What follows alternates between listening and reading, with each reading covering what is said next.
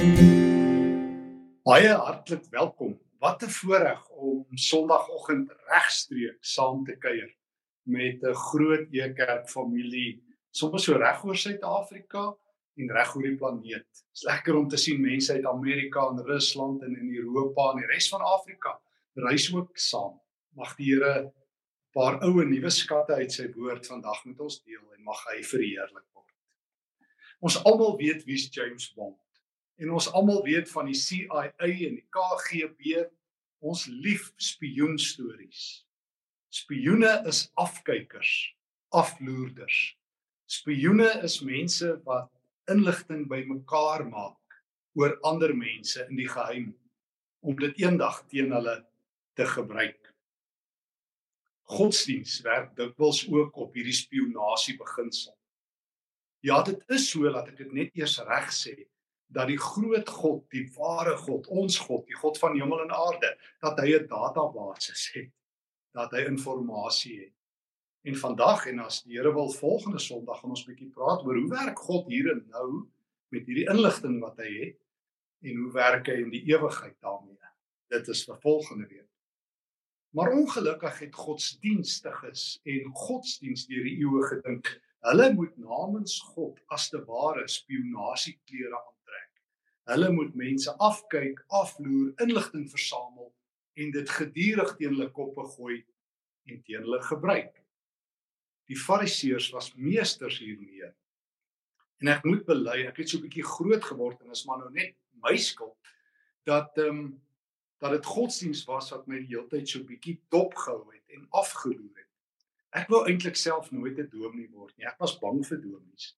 Ek onthou as ou dom kom huisbesoek doen net een keer 'n jaar het hy um so 'n dokumentie gehad en het hy vir ons 'n vraag gevra. Hou julle huisgodsdiens en dan merk hy dit af. Bid julle, is daar enige probleme? En ek onthou toe hy gevra het, hou julle stilte tyd? Toe sê my pa ja. En toe dink ek ons is so stil soos muise met pantoffels aan. Ons sit maar daar. Ons weet nie wat ons moet doen nie, maar ons is choopstil. En ek onthou ek het 1 jaar vir my ma gevra, "Ma, kan ons daarom nog 'n jaar in die kerk bly dink, maar ons het die dominee se toets geslaag?" Toe sê sy net, hy my kind uh en dit was maar hoe ek gehoor het godsdiens werk. En toe ek uiteindelik uh gekies het om 'n predikant te word, was dit my droom om vir mense die goeie nuus van Jesus te leer.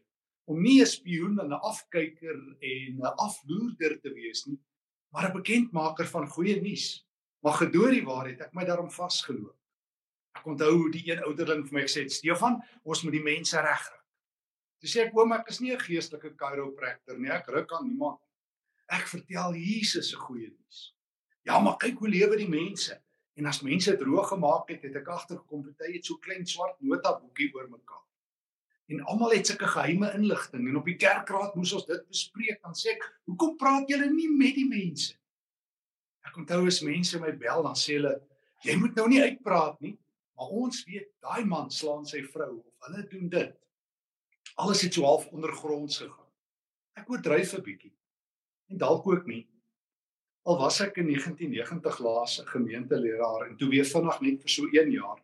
Agtervolg hierdie beeld my soos 'n skaduwee.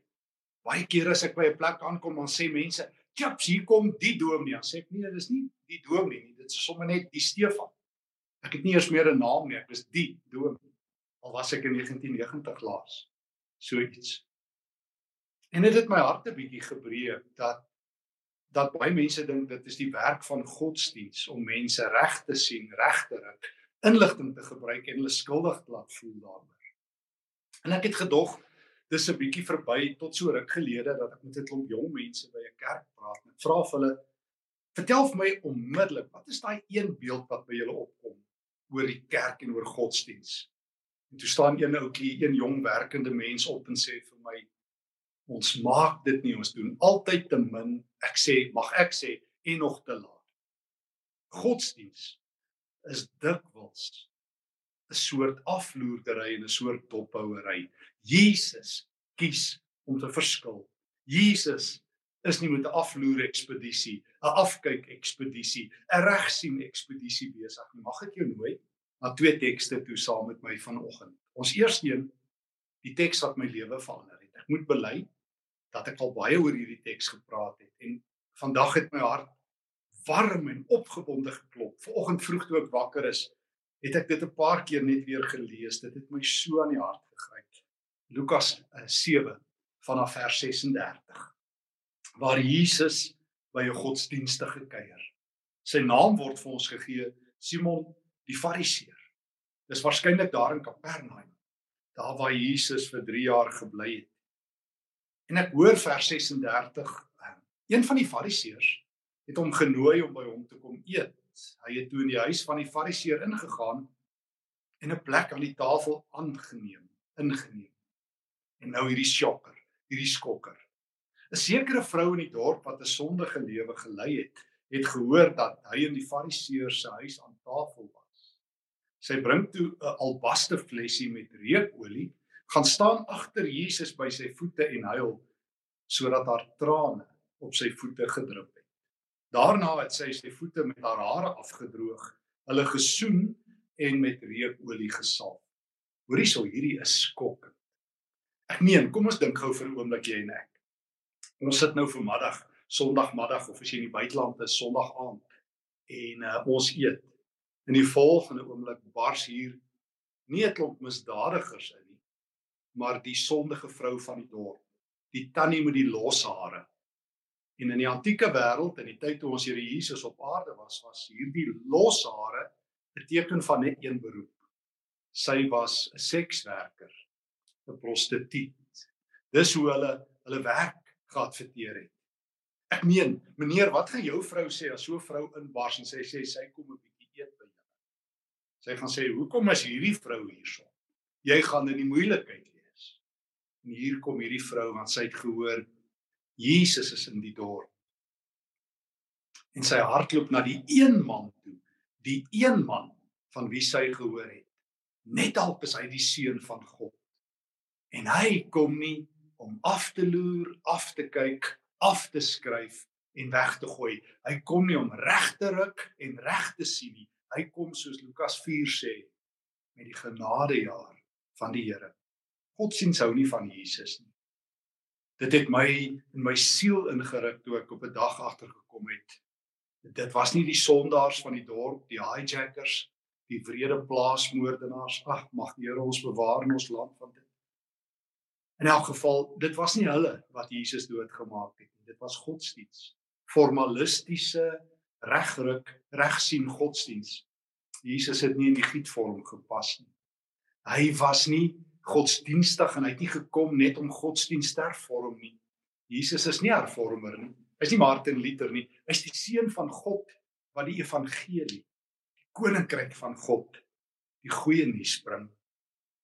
En toe kies die sondares van die dorp om aan sy voete te sit en sy huil dit papsop na.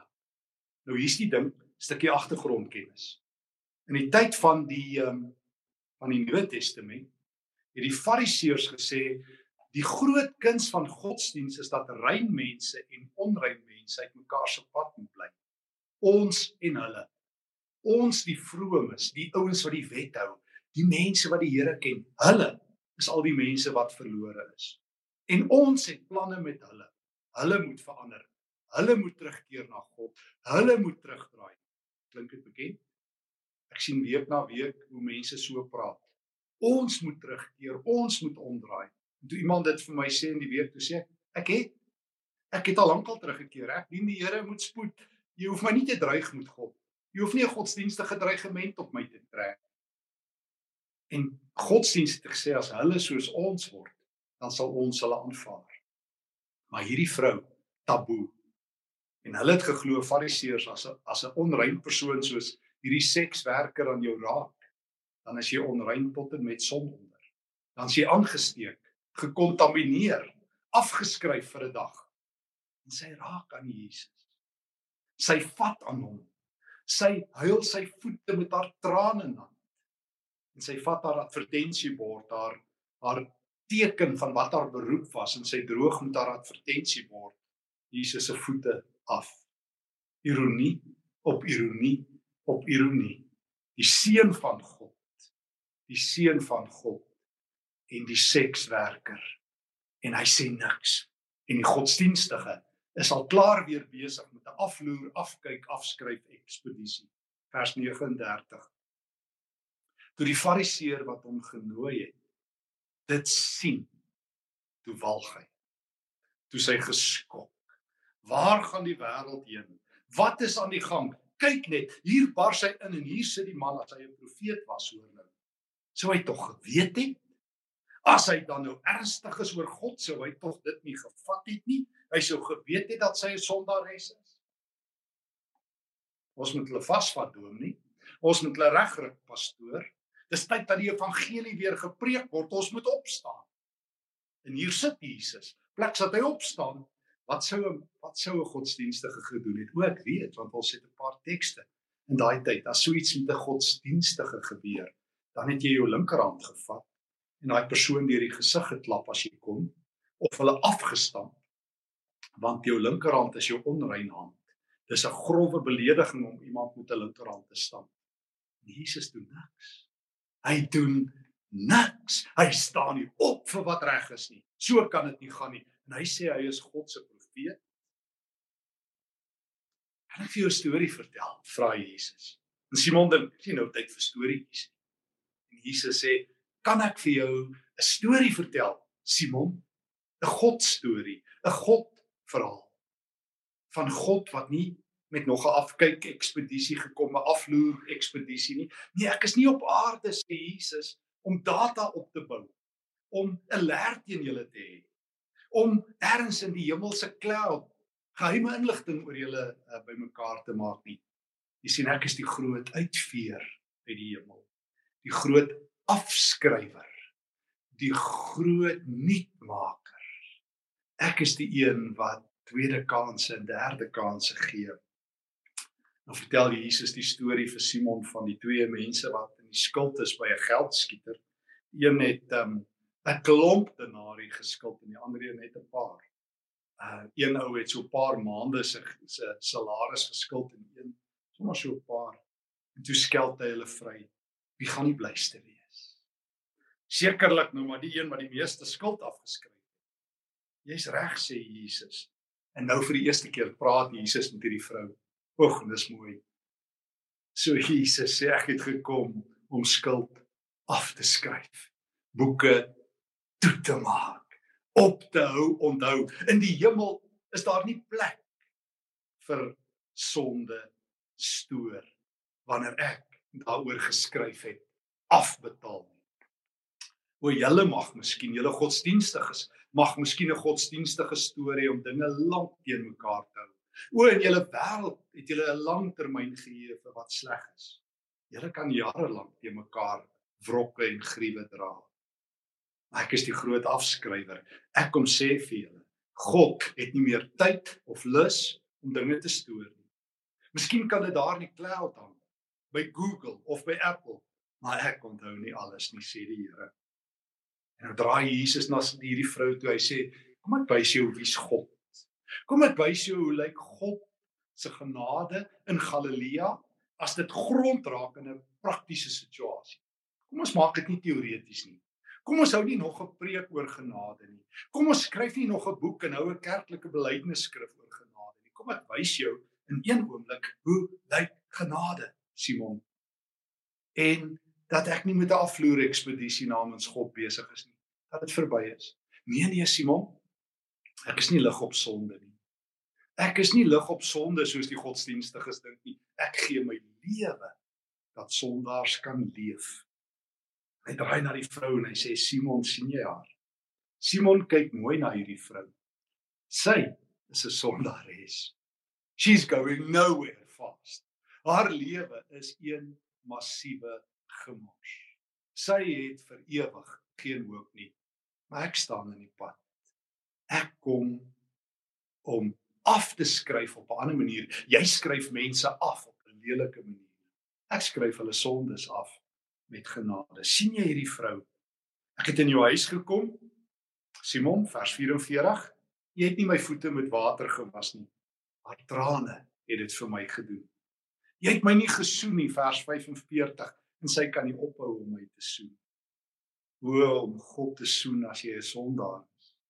Om die die voete van die seun van God te soen terwyl jy in jou eie gemors op jou knieë voor hom lê. Simon sien hierdie prentjie. Dit breek die hemel se hart. Dit is wat ek kom doen. Ek is die afskrywer. Ek skryf mense se name op uit genade. Ek sê vir jou vers 47 wat haar sondes wat baie is vergewe is. Hoe aan terloops hy het niks bely nie. Dis nie asof sy 'n sondaarsgebed gebid het. Dis nie asof sy iets gesê het nie woordloos. Woordloos het Jesus die die hersteller van verhoudings, die een wat gekom het om op te skryf, om te red, het hy haar naam oorgeskryf in die boek van die lewe. Simon sien jy hierdie vrou nou vir die eerste keer sê Jesus vir haar jou sondes is vergewe. Straf is af, vuur is dood, water het geval jy lewe. Dis af sonder dat jy iets hoef te sê. Kom sit net aan my voete. O, dis Jesus. En godsdiens kan dit nie vat nie. Dit kan nie so eenvoudig wees nie. Genade kan nie so goedkoop wees nie. Dit is nie sê Jesus, dit kos my alles. Dis verniet, nie goedkoop nie. Ja, maar dan moet 'n teenprestasie wees. Ons kan nie net hierdie hierdie wishy-washy stories hê sê iemand nou die dag vir my. Ek sê o, meneer Het jy al aan Jesus se voete gesit met jou stikkende lewe? Jy sien godsdienstiges is nooit so stikkend dat hulle hulpeloos en hopeloos en gebroken aan die Here se voete sit. Het jy al? Verstaan jy wat is genade? Het jy al so ver geval dat die enigste een wat jou val kon breek die Here is? Was jou lewe al so donker dat geen lig dit kon verlig nie? was jy al so ver verwyderd van alle hoop. Wel dan sal jy verstaan wat hierdie vrou deurgaan. Jou sondes is vergewe. Die musiek van die hemel. Die database is skoon. Ek het jou nie kom afloer, afkyk, afskryf op die verkeerde manier nie. Ek het jou kom opskryf in die boek van die lewe. Wie is hierdie man dat hy sondes vergewe? Toe stip jy ou godsdienstiges weer oor hierdie maklike evangelie hierdie sogenaamde maklike evangelie. Maar Jesus sê vir haar: "Gaan in vrede. Jou geloof het jou gered. Gaan leef in vrede." So Jesus is nie die afkyker, die afloerder nie. Hy is die uitdeler van lewe, die opskrywer van my naam in sy boek. Jou sondes is vergewe. Gaan leef in Shalom. Gaan leef met die Here. 'n Tweede vraag. As ek in hierdie eerste vraag lees, ja God het 'n database. Ja God sien. Maar Jesus sê ek kom om die hemelse kyk te verander. Simon, uh, Suid-Afrika, kyk hoe kyk Jesus met genade. Met afskryf oë, nie afskryf oë veroordeling nie, sagte oë. Ek skryf jou naam in die boek van die lewe. Maar Jesus kyk ook na die skares op 'n ander manier. En ek nooi jou gou vir 'n kort reis na maar net vier verse. Matteus 9 vers 35. Jesus het al die dorpe en die klein plekkies besoek. Dit was in Galilea. Hy het die mense in die sinagoges geleer en die evangelie van die koninkryk verkondig. Elke soort siekte en um, kwaal gesond gemaak. Hoor nou toe hy die menigte sien, het hy hulle innig jammer gekry want hulle was moeg en hulpeloos so skape wat nie 'n wagter het. O Jesus kyk hierdie vrou raak, maar hy kyk ook na skares wat radeloos en reddeloos en hulpeloos en onreddend is. Jesus kom nie om ons af te loer nie, hy kom ons met medelee raak kyk. God het met respek nie maar uit die hemel net ek dink aan julle kaartjies vir ons gestuur nie. Het nie maar net 'n kaartjie gestuur wat ons by ons verjaarsdag vir mekaar sê 'n voorspoedige nuwe leefjaar. Jesus het self gekom. En toe hy na die mense kyk, soos wat hy na hierdie vrou gekyk het, het sy hart gebreek. Wil jy weet wie's God? Wil jy weet hoe werk God met sy databasis? hoe hy kom om dit skoon te maak, skoon te vee, nuwe lewe te gee. Hoe hy kom na mense toe wat ronddobber, wat nie herwaarts of derwaarts weet nie. Is dit nie wat nou gebeur in hierdie dae nie? Dit is asof mense nie meer weet waartoe en wat om te doen en wat om te sê nie. Ek verstom my aan die ontredderdheid en die radeloosheid selfs van Christene. Dat Christene nie eens meer 'n eie gesprek kan voer uit die Nuwe Testament nie, maar die hele tyd reageer en afspeel en afreageer op wat in die samelewing aangaan. En al hoe kwaader word en al hoe bitterder word en al hoe meer hooploos word. Maar dan hoor ek die redder van mense, Jesus wat opdaag. Hy die man van Galilea, die seun van God, die seun van die mens wat ook in hierdie corona dae hier rondom ons rondloop en na die mense kyk wat moeg en hulpeloos is. Wie se antwoorde opgeraak het. O, ons het baie, maar altyd vir ander mense. Maar wat self nie meer enige hoop het nie. En toe hulle sien vers 36 het sy hart gesmeld. Daai ou bekende woord, Griekse woordjie wat ek al so baie keer oor gepraat het, splag nie so mooi. Daai daai diep innige meegevoel.